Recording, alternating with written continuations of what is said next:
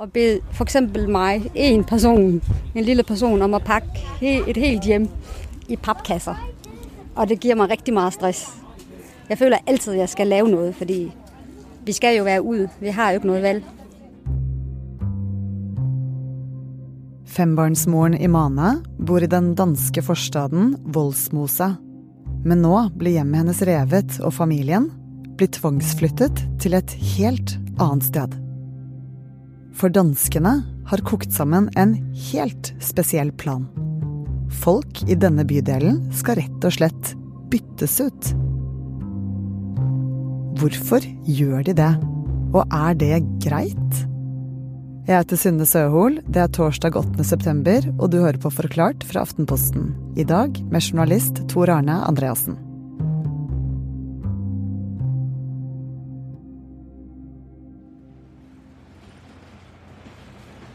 Voldsmose er en drabantby som eh, ligger eh, i byen Odense på øya Fyn i Danmark. Og eh, den består av en god del høyhus, stort sett. Litt sånn som forstedene i Oslo f.eks.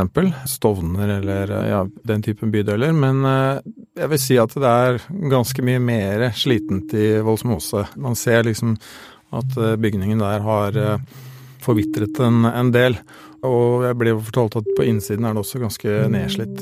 Og eh, mange av de menneskene som bor der, de eh, har eh, ganske dårlig økonomi. Tjener kanskje 50-55 av normal lønn.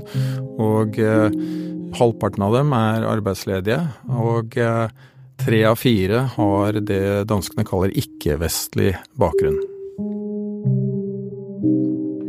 Og en av de med ikke-vestlig bakgrunn er fembarnsmoren Imane. Nå blir blokka der hun og barna bor, revet som en del av de danske politikernes storplan. Nå, ja, de skal nedrive min. Altså, der hvor jeg bor, den skal nedrives. Og det er en del av helhetsplanen. Hva skjer med deg og din familie da? Tor Arne, hvem er Imane? Imane hun er en mor til fem barn. Hun er opprinnelig fra et arabisk land, men har bodd i Danmark i veldig mange år, siden hun var en liten jente.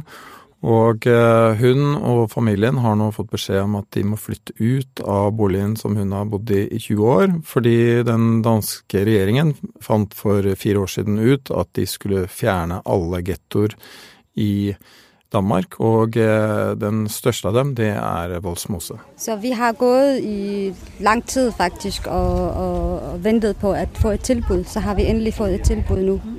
Og hele, hele min oppgang de skal være ude før den Det skal i hvert fall ske riktig snart at hele, alle dem der bor i min oppgang, de skal flytte.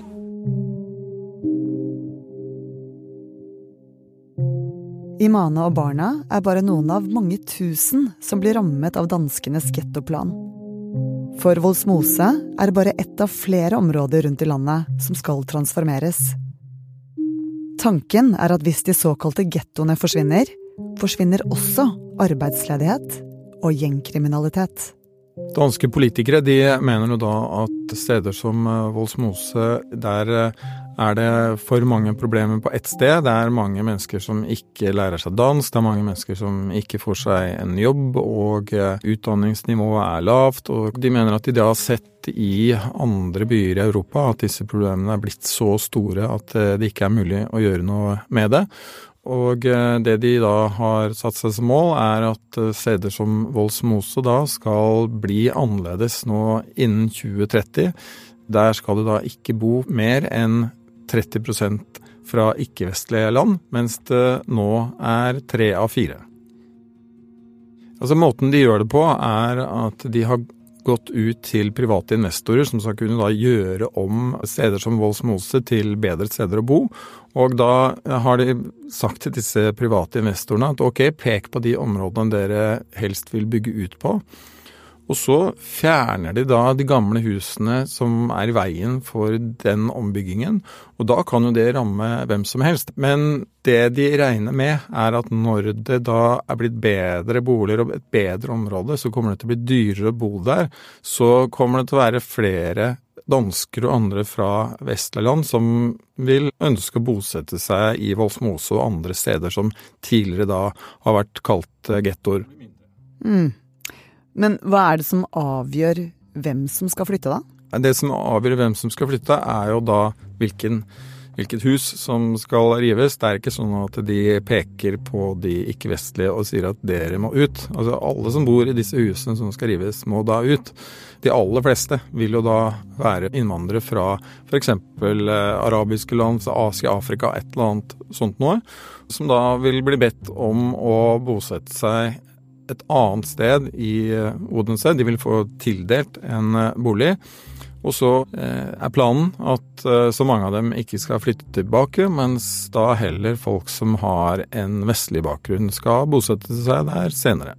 Noe av tankene her er jo at man skal bli kvitt f.eks. kriminalitet, som har vært et problem i Voldsmose. Jeg syns at det er urettferdig et eller annet sted at man skal alle sammen over én kam, og så blir det stemplet som at det er getto. Det er 100 diskriminerende. Ingen har tidligere prøvd å gjennomføre et lignende prosjekt. Og eh, man vet da ingenting om eh, hva resultatene kan bli.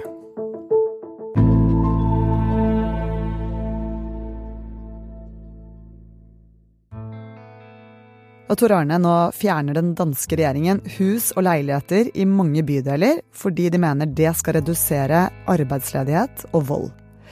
Hvor mange beboere blir rammet av dette prosjektet? Da planen ble lansert i 2018, så var det 25 områder i eh, Danmark som ble definert som såkalte gettoområder. I de områdene så er det 60 000 mennesker som bor, og av de 60 000 så er det ca. to tredjedeler som har det danskene kaller ikke-vestlig bakgrunn. Ja, og Hva er det de mener med ikke-vestlig bakgrunn, egentlig?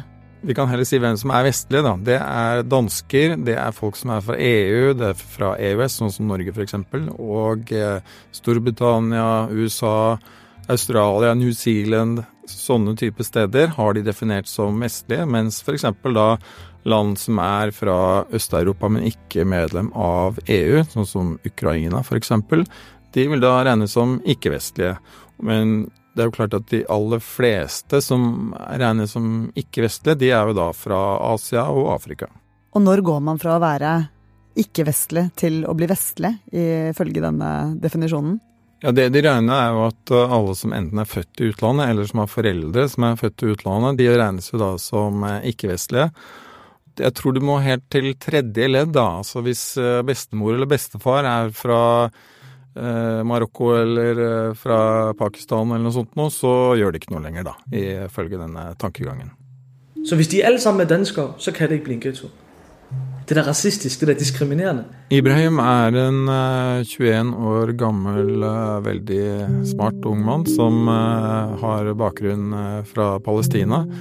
Og han har engasjert seg gjennom hele livet for å gjøre livet for folk i Voldsmose bedre. Og eh, nå er han sint. Nå mener han at eh, danske myndigheter da tråkker på de menneskene som eh, allerede har problemer. Der er utfordringer i Voldsmose. I Voldsmose der er der mer kriminalitet enn hva det er andre steder. Der er flere arbeidsløse. Det vi vet fra forskning virker mot arbeidsløshet, det er enten å skape arbeidsplasser eller å utdanne folk så de kan ivareta et arbeid. Det ser vi ikke noen steder. Det vi konsekvent ser, det er straff, det er nedrivning, flyt folk og diskriminasjon. Så jeg kan ikke se hvordan det skulle løse udfordringerne. Jeg anerkender, at det er ekstra utfordringer i Voldsmose.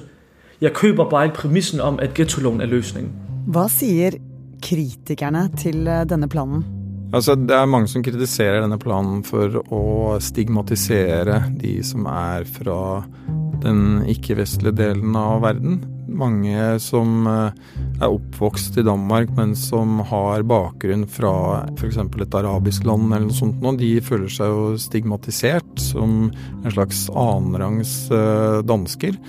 Selv om de ikke sant, snakker kav-dansk og uh, kanskje klarer seg bra osv., så, videre, så føler de at de blir sett på som et problem heller som en ressurs, og at de da at det, dette, dette, er en del av et eh, menneskesyn som, som, tenderer i retning av å være rasistisk. Og Der mener jeg også at det er meget diskriminerende kriterier, fordi det er ikke alle mennesker der skal ha en bachelorgrad på universitetet. Det er også ok ikke å ha en bachelorgrad.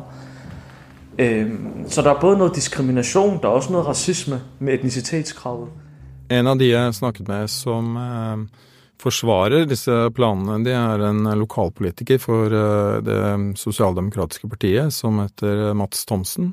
Han mener at selv om det er sider ved denne politikken som man skjønner at kan kritiseres, så mener han at man må være pragmatiske, man må finne løsninger som fungerer. Og det er faktisk ikke å, å skape diskriminasjon og ulige muligheter. Vi vil gjerne skape lige muligheter. Hvis barn, unge skal ha like muligheter, så skal man forsøge Det er nok svært å gjøre det 100% men man skal forsøge å skape samfunnsstrukturer der gir mulighet for like muligheter.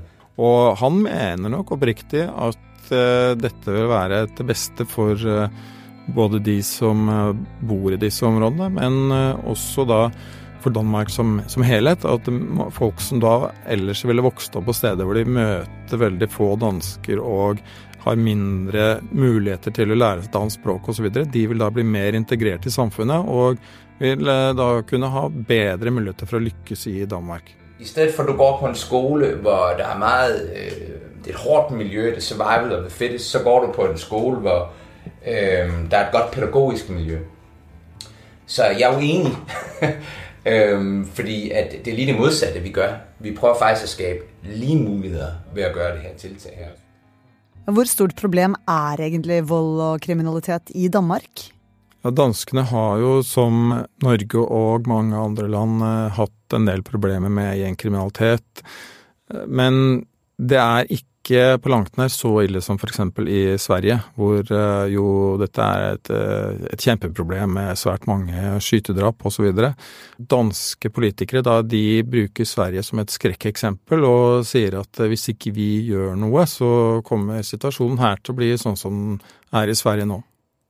Hva sier denne danske planen om det danske samfunn? Det denne gettoplanen eh, sier om eh, det danske samfunnet, er at eh, de har et ganske annerledes syn enn mange i f.eks. Norge og Sverige når det gjelder innvandring. De tenker mye mer på at de må begrense innvandring, at de må gjøre noe med de problemene som også da oppstår når folk ikke blir integrert i samfunnet. Og det vi ser nå, er faktisk at uh, svenske politikere har vært på besøk i København for å se på hvordan uh, da danskene forsøker å løse opp i gettoproblematikk i den danske hovedstaden. Ja, for nå har danskene fanget nabolandets oppmerksomhet. Til helgen er det valg i Sverige, og da er dette temaet sak nummer én. Kan Sverige gå i Danmarks fotspor? Jeg tror ikke svenskene er kommet dit hen at eh, de vil eh, gå til så drastiske skritt som det de har gjort i Danmark. Men det vi ser er at eh, selv sosialdemokratene, som nå har regjeringsmakt i Sverige, de har begynt å snakke om at det ville være en fordel å begrense hvor mange ikke-nordiske som bor på samme sted. Og statsministeren der har jo snakket om at hun ikke ønsker noen sånne Somali-towns eller Eh, noe, noe i den duren eh, i Sverige.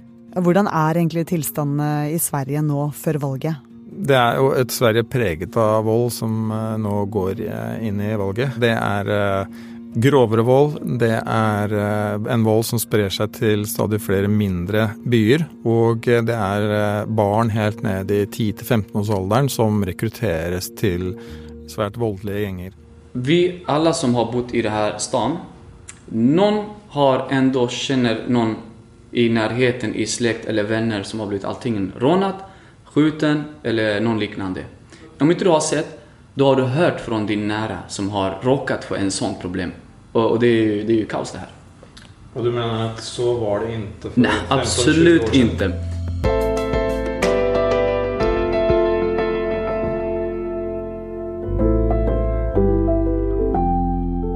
I denne episoden har du hørt Tor Arne Andreassen forklare hvorfor dansker blir tvangsflyttet. I morgen skal vi til Sverige og sjekke hvordan de svenske tilstandene er før valget søndag. Intervjuene du hørte, var med beboer Imane Gate, leder for motstandsgruppen Ibrahim El Hassan og politiker Mats Thomsen. Det er produsent Fride Næss Nonstad og meg, Synne Søhol, som har laget denne episoden. Resten av Forklart er David Vekoni, Anne Lindholm, Marit Eriksdatter Gjelland, Jenny Førland og Anders Sveberg.